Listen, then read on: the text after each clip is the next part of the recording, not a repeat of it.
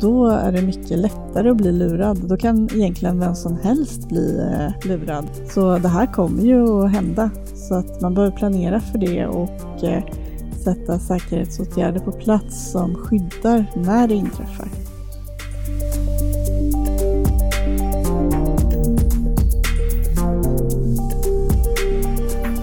Och då har vi en enormt mycket större mängd mål som en angripare kan slå mot. Och där har vi också fått en, en bredd då att det har blivit fler för det finns fler mål, det finns mer pengar att tjäna och det finns större effekter att få. Så jag skulle säga det är en oerhörd skillnad eh, i hur sårbart samhället är för, för IT idag jämfört med några årtionden sedan.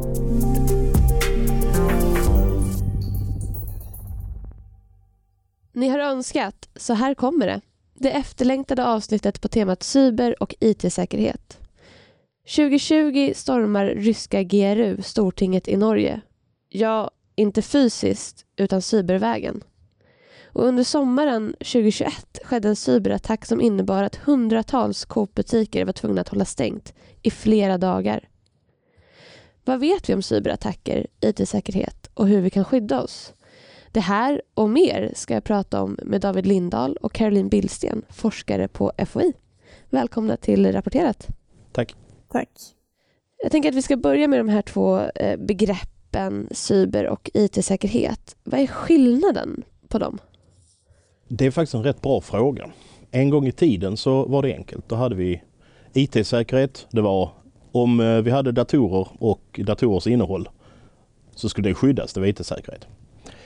Sen kom cyberbegreppet och under många år så har det varit ett väldigt vagt begrepp och mer ett sätt att få bättre budget. Man cyber lät häftigare. Och nu så det är fortfarande så att det, det är väldigt olika från eh, vad man menar när man säger cyber.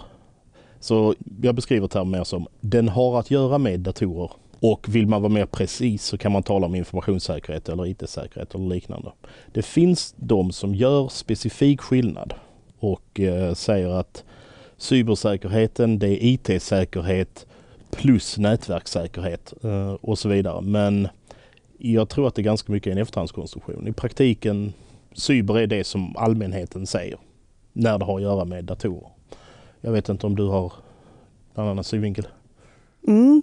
Nej, men eh, vad jag har förstått så det finns ingen entydig definition. NIST eh, definierar ju cybersäkerhet som att man ska förebygga skada, eh, man ska skydda systemen, man ska kunna återställa systemen också i händelse av en incident. Då. Mm, och jag har också sett där att man även gör distinktionen att det handlar om när system är kopplade mot, mot internet att det då man får in cyberbiten då. Så, så, så nej, det finns ingen eh, entydig definition där.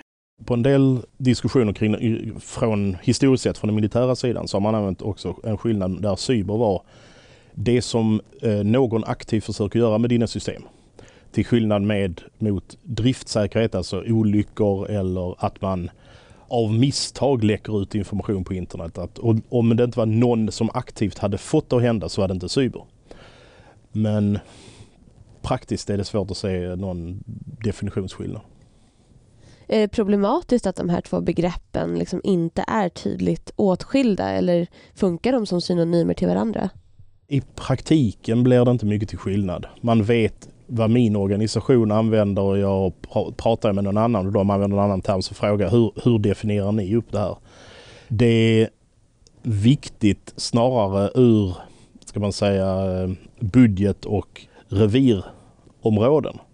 Att eh, om en organisation inom en stat till exempel har hand om cyberområdet så vill de bredda det. De vill, de vill ha väldigt tydligt vad det är de har budget att göra och mandat att göra.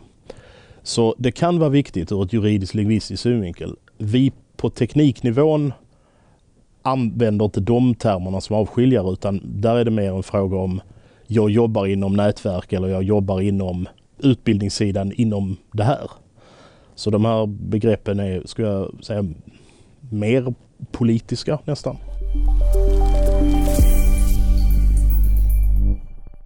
Det här området har ju utvecklats otroligt snabbt de senaste ja, men 30 åren. Hur skulle ni säga att hotbilden har utvecklats?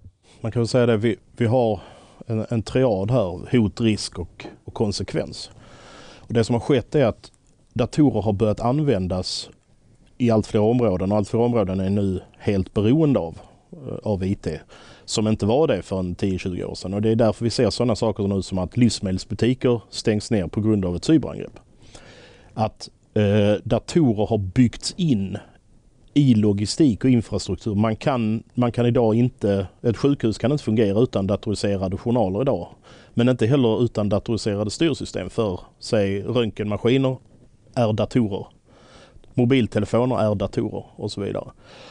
Och då har vi en enormt mycket större mängd mål som en angripare kan slå mot. Och där har vi också fått en, en bredd då att hoten, det vill säga angripare som vill slå mot datorer, har blivit fler för det finns fler mål, det finns mer pengar att tjäna och det finns större effekter att få. Så jag skulle säga det är en oerhörd skillnad eh, i hur sårbart samhället är för, för IT idag jämfört med några årtionden sedan. Och beskriv då den forskning som eh, bedrivs kring cybersäkerhet på FOI. Vad ligger fokus på här? Mm. Eh, vi forskar inom många olika områden där, så vi har olika forskargrupper som tittar på olika saker. Jag har ju forskat i ett projekt som analyserar eh, tekniker och metoder för cybersäkerhet och, och ser hur, hur kan de eh, appliceras i ehm, militär kontext. Vad betyder de? Är de användbara?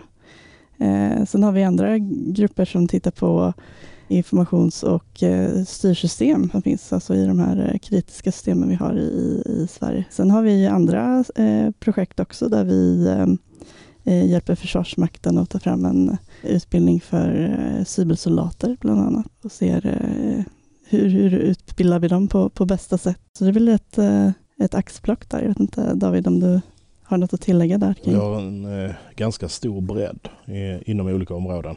Det är ju, jag har ju suttit mest med biten som du nämnde med den kritiska infrastrukturen. Alltså att dator, eh, datorer som är inbyggda i infrastrukturen i, i banker, i tåg, i elnät, i dricksvatten och så vidare. Och tittat på hur, hur kan man slå mot dessa och hur kan man hindra att någon slår mot dessa. Men vi har också gjort eh, ganska disparata saker. Vi har ju eh, hjälpt våra kollegor i Umeå med att titta på eh, sjukvårdssidan vid eh, internationella uppdrag eller hur datoriseringen påverkar dem när de åker ut på internationella uppdrag och till exempel ska titta på eh, kemvapenhantering och liknande för att även deras analysverktyg är ju idag datoriserade. Så det är, jag skulle säga vi, vi ligger väldigt brett för, för den mängd personal vi har. Vi har en ganska, ganska divers mängd frågor vi tittar på. Hur ligger vi till i Sverige inom de här frågorna? Är vi i framkant? Vi är väldigt datoriserade. Vi ligger inte superbra till eh, enligt internationella index när, när det gäller säkerhet men eh, inte jättedåligt heller. Och det är ju en, av den anledningen att i princip alla våra företag använder liknande operativsystem, liknande datorsystem och liknande underleverantörer som det som drabbade Coop. Så jag skulle säga att vi ligger, vi har ungefär samma riskbild som resten av Europa. Däremot så är jag av uppfattningen att riskmedvetenheten i Sverige är väldigt mycket lägre än i många andra länder. Antagligen för att vi har haft ett så väldigt fredligt samhälle. Så att vi, vi är inte oroliga och det innebär att vi förbereder inte alternativa lösningar. Vi, vi, vi är så vana vid att det alltid fungerar att vi inte ens funderar på hur vi ska göra om det går åt skogen.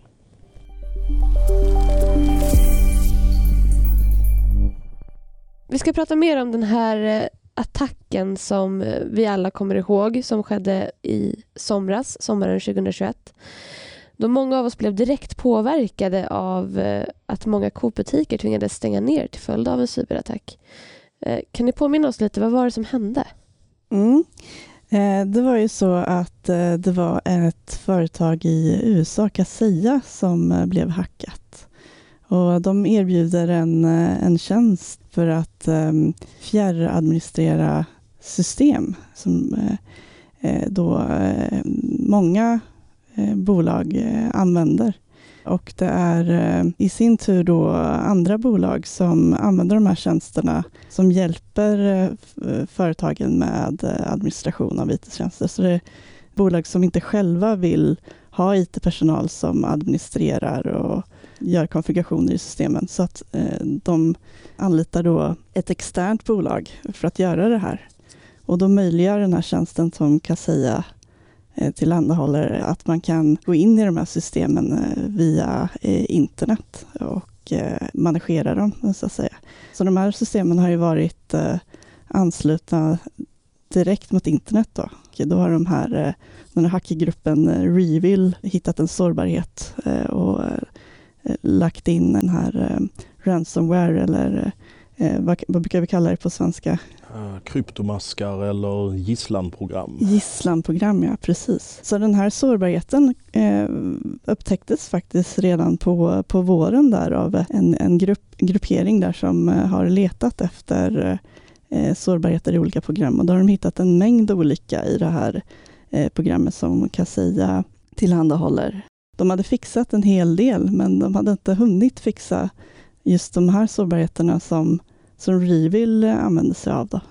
Så det är väldigt olyckligt att de inte hann. Det är lite som en katt och råtta-lek där, eller liksom, eh, mellan försvararna och eh, de här angriparna att, att hinna patcha system. Just det, och det var ju många fler än Coop som blev drabbade av det här. Precis. Och då tolkar jag det rätt att Kaseya blir då någon form av tredjepartsleverantör till Coop som levererar något till en konsult som Coop sen anställer?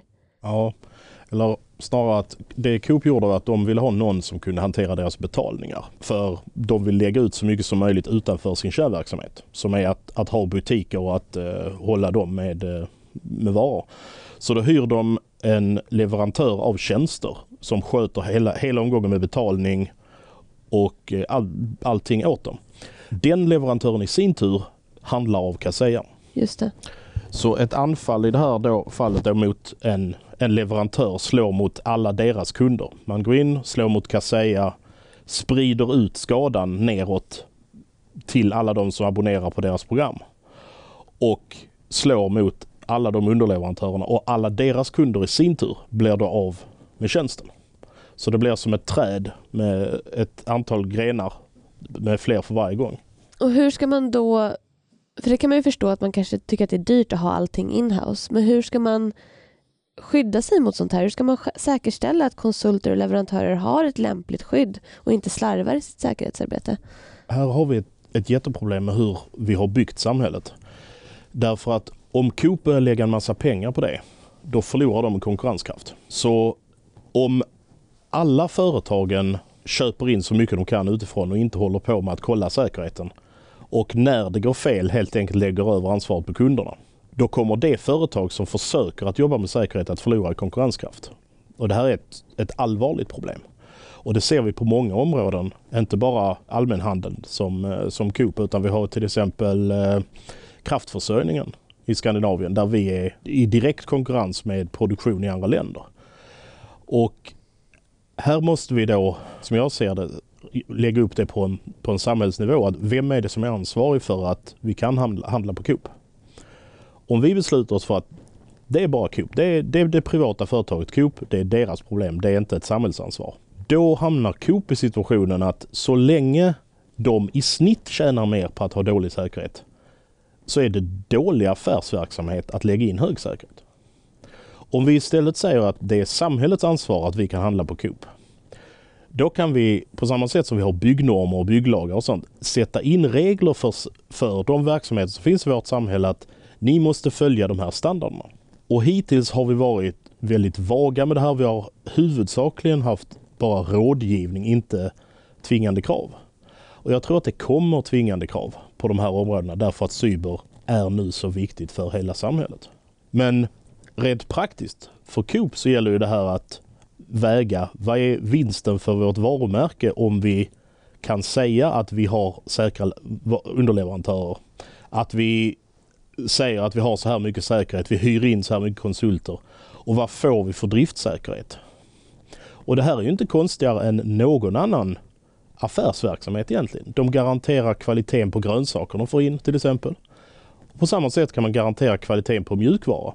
Och det är bara fråga om att lägga upp en affärsprocess för det här. Och jag tror att det här kommer att komma. Antingen drivet av marknaden eller drivet av samhället. För olika branscher. Det jag hoppas vi kan undgå, det är att vi, vi kan undgå att få en, en kris inom varje del av samhället utan att vi kan ta ett samlat grepp någon gång och säga samma problem kan uppstå här. Låt oss ta det innan dåliga saker händer. Det låter lite som man skulle behöva göra någon form av GDPR-tag på det här. Men hade det varit fördel om det gällde hela Europa? Absolut. Ju högre upp vi kan ta det här och ha en gemensam, äh, gemensam EU-standard för IT-säkerhet tror jag skulle vara väldigt bra. Men det blir också en fråga om hur svårt det blir att få in juridiken för alla branscher. Vi har ju en början nu med NIS-direktivet som har kommit. Där det är många olika branscher, sju olika branscher hittills som har reglerats och NIS 2 är nu på väg. Så jag tror att vi kommer att hamna där så småningom. Det är bara det att cyberberoendet är så nytt än så länge. Så vi har, inte, vi har ännu inte fått, uh, fått till det. Att vara beroende av, eh, av cyber och internet, det gäller ju också för oss som privatpersoner. Hur tycker ni att en eh, privatperson ska förhålla sig till IT-säkerhet i, i sitt liv? Mm. Jag tycker man som privatperson behöver eh, fundera lite över vilken information man har eh, och vad, vad är det som är viktigt för, för en själv. Man har några bilder till exempel på, på barnen eller andra bilder som, som är ovärderliga egentligen. Då behöver man ju se till att de skyddas. Så, så att man eh, har kontroll på vart de ligger, så de inte kommer till obehörig till del. Så de hamnar på någon reklamaffisch eller någonting. Eller att någon eh, använder använder här gisslanprogram och, och låser datorn. Så, så, så då gäller det att fundera över eh, lösenord exempelvis. Att man har bra lösenord och komplexa lösenord. Gärna om man har någon man skulle kunna använda meningar då för att få lite längre. Man sätter upp någon mening, slänger in lite siffror lite här och var och specialtecken så är det lätt att komma ihåg också. Man behöver också fundera över ens konton i, i eh, cybervärlden. Jag menar, man har ju väldigt många konton där ute och och, och allting egentligen kopplat till ens e-postadress. Har du tillgång till e-postadressen så har du egentligen tillgång till alla konton som den här personen eh, har, har tillgång till. Att man kan göra lösenordsåterställning då den kommer till e-post. Så att e-postadressens lösenord är någon, någonting man ska satsa lite extra på. Då.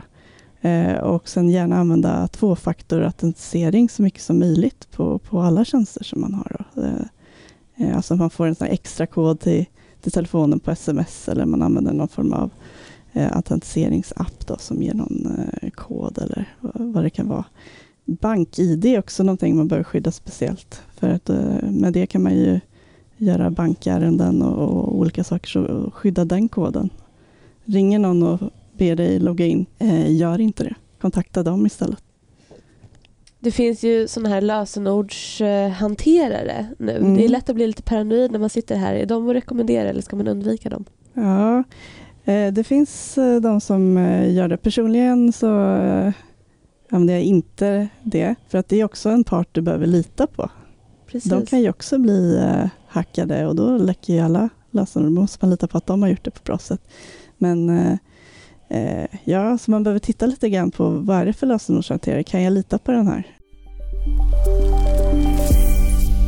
Men vilka är det då som hackar? Kan man se att de har gemensamma drag eller hur skulle ni beskriva? Den allra största majoriteten som man ser, det är, det är ren brottslighet. Där har vi det, det, det, personer som vill ha pengar. De vill, ut, de vill ha ut info från dina system.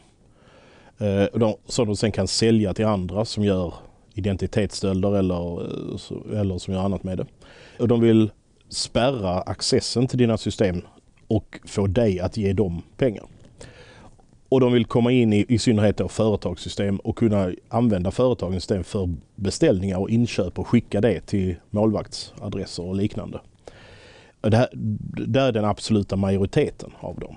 Sen har vi den organiserade Eh, brottsligheten där vi har då organisationer med, med hyfsat, hyfsat mycket kompetens och ganska, ganska bra med medlemmar och liknande som kan sätta upp eh, större operationer av till exempel att då systematiskt ta över datorer, lägga in fjärrstyrningsprogram och sen använder de de här datorerna som vapen och slår mot andra organisationer så att din dator blir då shanghajad och bakom din rygg så håller den på att sända attackkod mot ett företag i USA till exempel. Du märker inte det här för varje dator i sig gör ganska lite extra jobb men tillsammans så kan de då sluta servrar. Och då utpressar den som har då tagit över din dator och 50 000 andra utpressar då företaget i USA med hjälp av din dator som vapen. Och sen har vi de riktigt avancerade varianterna, det som man brukar kalla för APT eller Advanced Persistent Threat. Eh, och där har vi sett sådana som gruppen man brukar kalla Energetic Bear som anfaller eh, mål inom energisektorn. Tar sig in i företag, tar ut information, spionage, industrispionage och sen tar sig ner i styrsystemen och lägger sig beredda att slå sönder dem. Man tror att det här är en statsgrupp som har anknytning till Ryssland och man tror att anledningen till att just de gör det här är att i händelse av en politisk kris så vill de ha ett antal mål förberedda där de kan orsaka strömavbrott för att då göra påverkansoperationer eller förbereda för kinetiska angrepp. Men de grupperna är ju inget som normala människor... Normala människor är inte ett mål för de här Nej. de grupperna. Utan där är det ju huvudsakligen är det ju bedragare och kriminella som, eh, som ställer till besvär. Och jag tänkte på det, vi ska återkoppla till det vi pratade lite om tidigare. Är det ett problem att utvecklingen har gått så pass fort att vi har, liksom, vi har blivit lite bekväma att använda de här olika molntjänsterna och de är så praktiska, det är så, det är så enkelt men så, så finns inte den säkerheten som man skulle vilja ha. Jag kan känna att om man vill använda säkra lösningar då får jag kompromissa med olika användarvänliga delar. Är, är det så? Mm, det kan vara så. Säkerhet står ju ofta i strid med användarvänlighet, att det är liksom en balansgång där. Men, men, men det finns ju också tillfällen när, när det går lite hand i hand, när man kan eh, använda vissa lösningar som, som förenklar, till exempel om man har någon form av, eh, ja, istället för att fylla i ett lösenord så har du någon liten en hårdvarunyckel som du sätter i datorn, till exempel en YubiKey som förenklar istället att ha långa lösenord. Så det gör ju att det blir mer användarvänligt kanske på så sätt, eller om man har kort. Sen uppsättning av det kanske är lite komplicerat, men sen själva användandet sen förenklar. Jag vet inte David om du... Jag, jag skulle vilja dra en liten parallell till, eh, till andra teknologier. Om vi säger hur det kom när bilarna började användas. Innan det så hade vi ju inga bilolyckor. Sen kom bilarna och det blev massor med bilolyckor så att där kan man säga det, det var ju ett säkerhetshot. Det var ju ett allvarligt problem vi hade också eh, med miljöförstöring och liknande. Men det fanns ju en anledning till att vi började använda bilarna. Och vi har ju då fått mycket bättre kommunikationer. Vi har fått högre, eh, högre produktion i samhället, allmän levnadsstandard höjs för att vi kan producera så mycket bättre. Det finns ju en anledning till att vi använder IT. Det är de, och de fungerar som en, eh, en multiplikator av så mycket produktion. Så jag, jag skulle säga det att det har skapat många nya problem men det är också en lösning på många tidigare problem. Så jag tror att i snitt har vi bättre utfall av mängden datorer vi har idag. Det vi har är att vi ligger efter. Vi, har, vi upptäcker problemen. Vi löser en massa problem med ny teknik. Sen upptäcker vi nya problem. Och då måste vi komma på sätt att lösa dem. Som airbags eller säkerhetsbälten eller eh, 2-1-vägar och så vidare. Så det är en blandning av personliga åtgärder och lagstiftning och samhällsåtgärder och också träning där man lär sig man gör inte på det här sättet för det visade sig att det var dumt eh, så det gör jag inte om. Det jobbiga är ju för individen som lär sig det här innan vi som grupp har lärt oss det. Och det är ju där problemet kommer in med ny teknik, att man ofta gör saker som visade sig i efterhand vara väldigt dum. Det blir lite som att när man skulle börja använda bilbältet så var det lite obekvämt, det satt inte så skönt men man vande sig till slut. Det är väl som med nya säkra lösningar också. att De kanske inte är lika smidiga som våra osäkra molnlösningar men man kommer vänja sig vid dem också. Precis. Det sägs att Nordkorea låg bakom attacken mot Sony Pictures som skedde 2014 i USA för att Sony planerade visa en film som porträtterade Kim Jong-Un på ett sätt som han helt enkelt inte riktigt uppskattade. Hur mycket belägg finns det för att främmande stater orkestrerar olika sådana här attacker? Um, en del fall är, är solklara.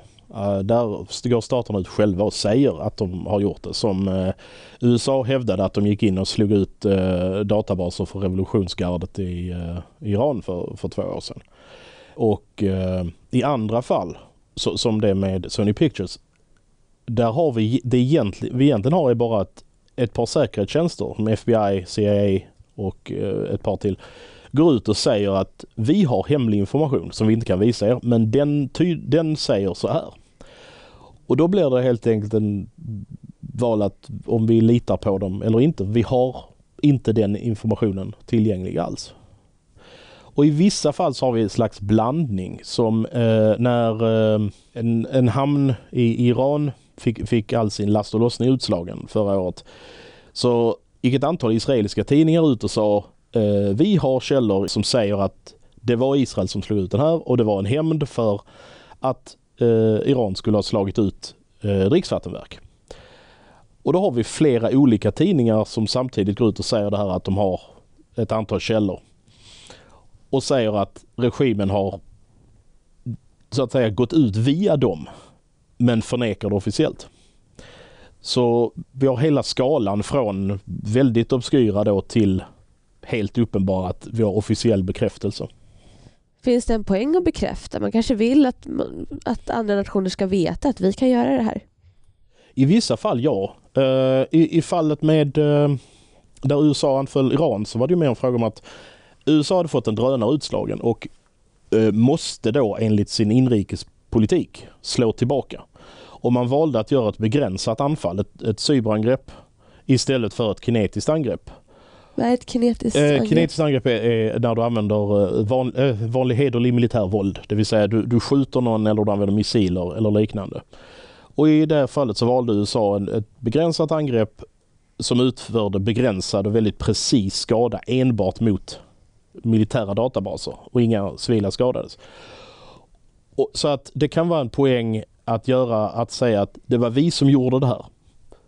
Vi är, har gått så här långt nu men vi höll igen. Vi hade kunnat göra så här mycket.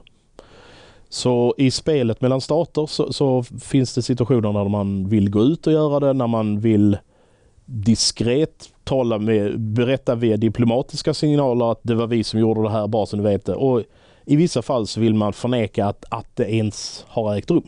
Just det. Och fysiska attacker mellan stater blir inte bara mer uppmärksammade utan de får också större eh, konsekvenser i efterspelet.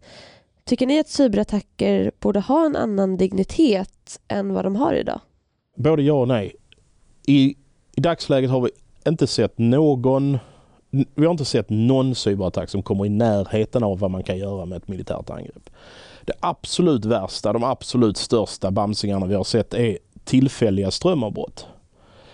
Och eh, det är, det, är inte, det är inte i närheten av vad ens en enda kryssningsmissil kan åstadkomma. Så å ena sidan så är de här, har hittills inte varit särskilt farliga. Å andra sidan, om det är så att de här accepteras som en accepterad metod mellan stater. Om man säger att i, i ett politiskt gräl så uppfattas cyberangrepp som inte som någonting som kan ge sanktioner, inte som någonting som är problematiskt. Då drabbar det eh, småstater väldigt, eh, väldigt illa, Sverige i synnerhet. Om vi hamnar i politisk konflikt med något annat land, i dagsläget så är vi ganska geografiskt isolerade. Vi har inte gränsytor mot särskilt många hotfulla nationer. Men mot internet så har vi en gränsyta mot alla nationer, alla länder i hela världen. Så om det här blir en om att slå mot till exempel civil infrastruktur som våra hamnar blir en etablerad del av interaktionen mellan stater i konflikt. Då kan vi helt plötsligt få vår, våra civila företag hamna i situationen att de måste försvara sig på en nationell konfliktnivå eller de måste förbereda sig på att bli angripna av statskapacitet för att driva sin vanliga verksamhet och det kan bli väldigt svårt och väldigt dyrt för oss. Finns det här i företagsmedvetande idag, till exempel eh, hamnar eller? I vissa fall, delar av den kritiska infrastrukturen har gjort det. Vi har ju drivit utbildningar och vi har eh, bedrivit studier eh, sedan 2009, det här eh, centret som vi driver tillsammans med MSB. Och eh, medvetenheten 2010 var väldigt låg. Den, nu är det betydligt större. Efter anfall som till exempel då Stuxnet eller Sandworm eller eh, Dragonfly så har vi ju eh, sett ett antal incidenter och kraftindustrin skulle jag säga är hyfsat medveten. Andra typer av logistikindustri är väl mindre medveten. Men det, det är betydligt bättre än det var för tio år sedan. Det finns ju också stora hackernätverk som inte har kopplingar till specifika stater. Vad vet man om de här hackernätverken? Mm. De här hackernätverken de är ju ofta intresserade av pengar. Då. De drivs av pengar att eh, på olika sätt ja, eh, hacka individer för att eh, komma åt pengar. Eh, och det kan ju vara med de här eh, olika gisslanprogrammen att man eh, ser till att eh, de betalar helt enkelt för att eh, de, de gör hellre det än att förlora sin data. Då. Och så länge folk betalar så, så är det en väldigt bra inkomstkälla för dem. De har ju också sådana tjänster som att de erbjuder eh, människor eh, att de betalar hackernätverken och sen så eh, hackar de för den personens räkning.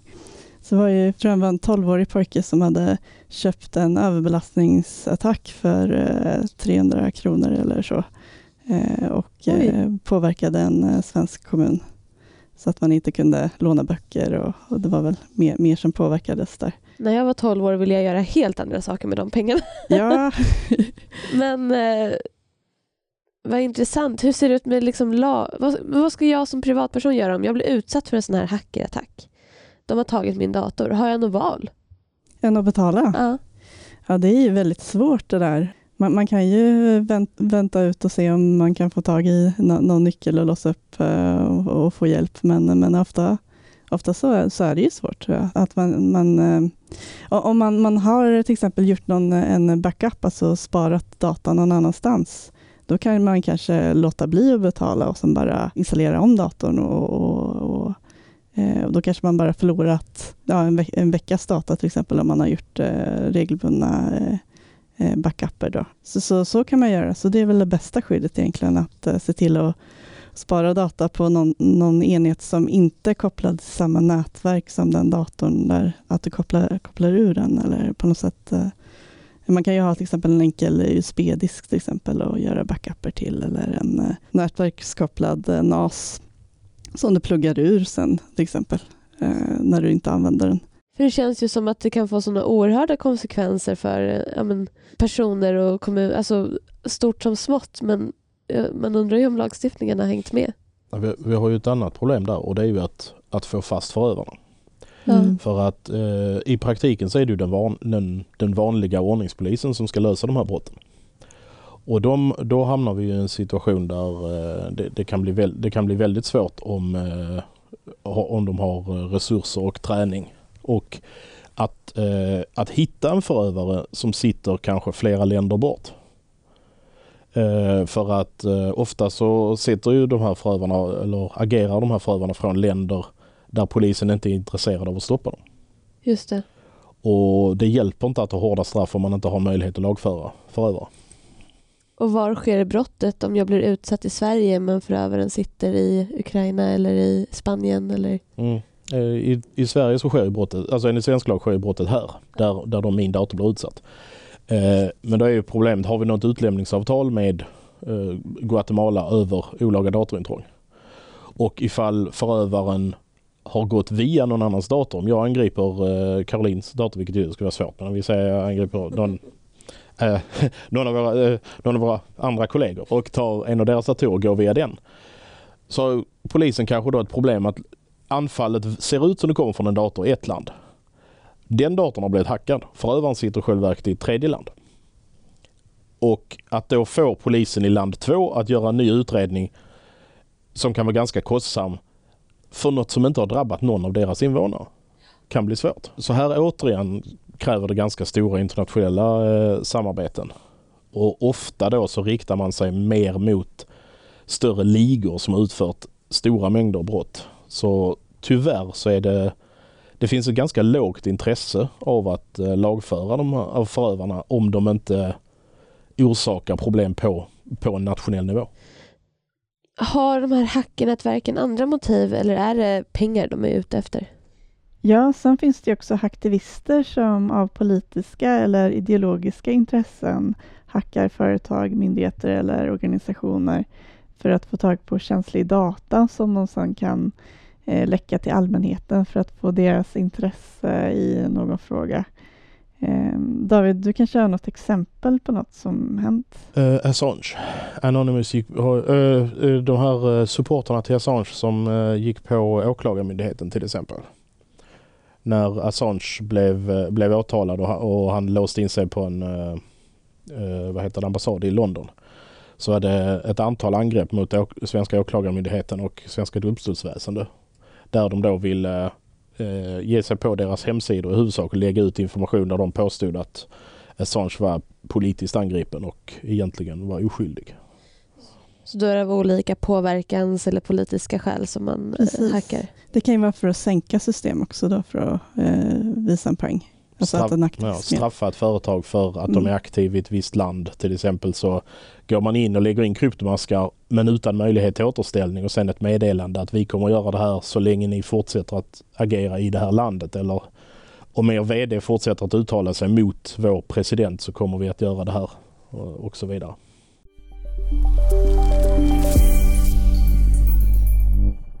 Man är inte starkare än sin svagaste länk. Stämmer det påståendet vad gäller företags informationssäkerhet eller IT-säkerhetsarbete? Ja, absolut. Det kan ju räcka med en oskyddad enhet i nätverket så kan en angripare ta sig in den vägen och vidare in i systemet. Så det gäller ju att alla enheter i nätverket är eh, skyddade med de senaste säkerhetspatcharna med bra lösenord och bra konfigurationer. Men den svagaste länken i systemen är nog ändå användarna som gör misstag, eh, medvetet eller omedvetet inte följer säkerhetspolicy. Eh, exempelvis kan ju användare klicka på länkar med skadlig kod som kommer i mejl. Eh, sådana här så kallade phishing-mejl kan ju vara ganska lätt att upptäcka. Men eh, är de riktade så de kommer från personer som Eh, personer känner igen och handla om ämnen som verkar rimliga att den här personen skulle eh, skicka ett mejl om. Eh, och då är det mycket lättare att bli lurad. Då kan egentligen vem som helst bli eh, lurad att klicka på de här länkarna. Så det här kommer ju att hända, så att man behöver planera för det och eh, sätta säkerhetsåtgärder på plats som skyddar när det inträffar.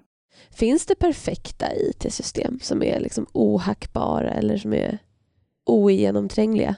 Nej, det skulle jag inte säga tyvärr. Eh, man kan göra system eh, säkra som möjligt, men, men det är ju lite grann som, som jag nämnde tidigare, att det är som en katt och råtta-lek där. Det, mm, man upptäcker eh, saker och det, det gäller att hinna före och patcha och sådana där saker. Och, eh, ja, man får göra så gott man kan. Det låter som ett stressigt jobb att jobba med det här. Ja, men det kan det vara, absolut. Det är, eh. det är ju lite intressant i det avseendet att jag vet inte mer idag än jag visste 99. Jag har lärt mig massor men sen har den kompetensen och den kompetensen blivit förlegad. Eh, och folk använder datorer på ständigt nya sätt. Eh, ta till exempel de här träningsklockorna som dök upp, alltså smartwatches med pulsmätare och, och liknande. Det var ju inte en thing överhuvudtaget 2000. Nej. Och därmed inte heller ett säkerhetshot eller någonting i den stilen. Och sen visade det sig då att de här hade blivit vanliga. Och 2018 så visade det sig också då att flera av de här märkena, om man inte gick in i installationsmenyerna i appen ganska långt ner och kryssade i ett nej, så postade de ens eh, träningsrundor på internet. Så eh, bland annat en CIA-anläggning i, eh, i Afrika och en, eh, ett, en NATO-bas i Mali avslöjades av det här. Därför att områden som verk, skulle vara helt tomma och eh, inte så visade sig ha en massa amerikanska eh, eh, träningsklockor som joggade omkring.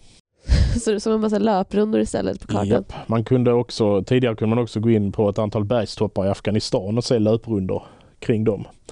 Och där var det ju riktigt skrämmande för där hade vi ju soldater, eller man hade soldater i en stridsmiljö. Där man kunde se vilka timmar varje vecka som de hade löprundor och kunde alltså då schemalägga att ska vi skjuta på dem så lägger vi oss här för de kommer, de kommer om fyra minuter. Så helt nya problem med helt ny teknik. Men om man som organisation vill förbättra sitt arbete med de här frågorna, hur, hur går man tillväga då? Mm. Först och främst så behöver det ju finnas personal som är ansvarig för IT-säkerhetsarbetet och som leder arbetet. Om det inte finns någon inom organisationen som kan det här så kan man ta in expertis utifrån som hjälper till. Eh, en bra start eh, sen är att identifiera alla skyddsvärden som finns inom organisationen och vad som kan hända ifall de manipuleras, eh, hamnar i orätta händer eller blir otillgängliga.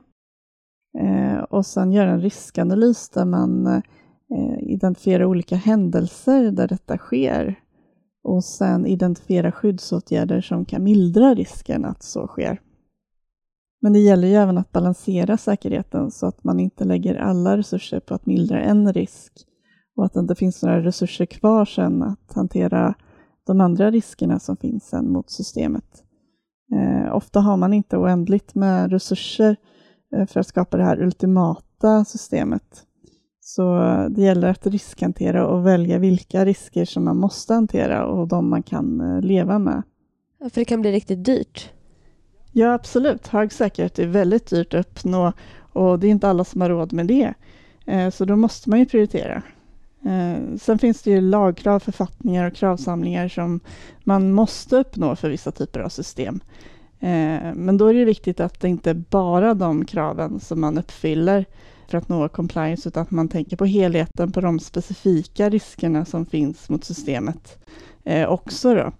Eh, för de här kraven är ju ofta väldigt generellt ställda att passa många olika typer av system och inte för varje enskild eh, typ av system. Då. Eh, så man behöver fortfarande göra de här riskanalyserna och identifiera vad det är som är skyddsvärt för just den här organisationen och vad, vilka risker som finns beroende på omgivningen, användarna och så vidare, vilken information som, som används i systemet. Ett typ, en viktig grej är också att man inte bara satsar på punktåtgärder. Att man inte, nu läste vi i tidningen att eh, det var dåliga lösenord, då ska vi fixa lösenorden. Utan jag skulle vilja sätta det på att en organisation på samma sätt som det finns en budgetprocess för alla enheter så måste det finnas en cybersäkerhetsprocess för alla enheter. Därför att alla enheter idag hanterar cybersäkerhet och ändrar i cybersäkerhet. En, en ekonom som tar med och la, börjar ladda sin träningsklocka med wifi ändrar i systemet och förändrar det. Så att man kan inte ha IT-säk folk som sitter i ett litet hörn av organisationen och jobbar med, precis som kanske säga om, om, om compliance och, och, liknande, utan att det måste finnas ett helhetstänk på att man arbetar på ett rimligt säkert sätt.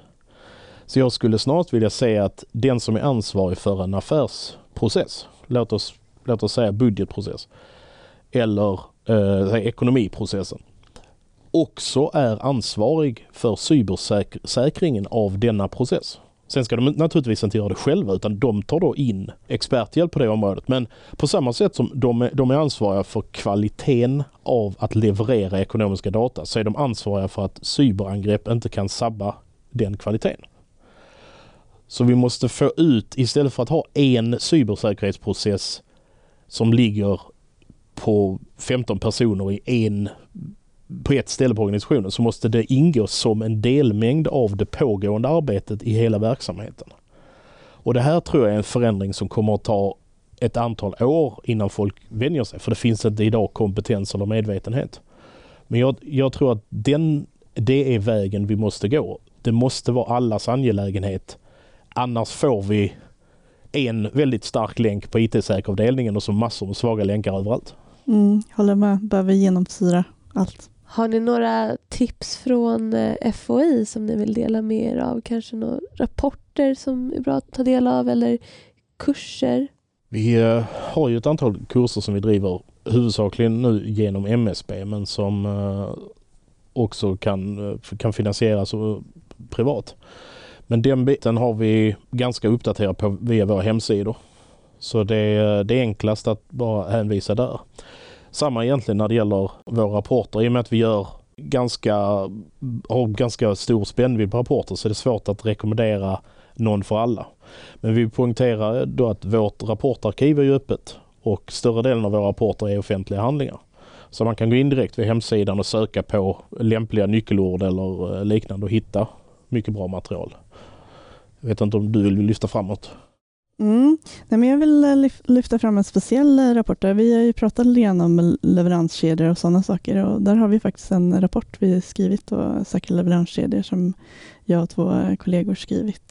Så den kan man gå in och läsa där och förkovra sig lite mer kring det ämnet. Vi kan länka till den rapporten till våra kurser och kanske några andra rapporter på www.foi.se rapporterat. Tack för att ni kom hit.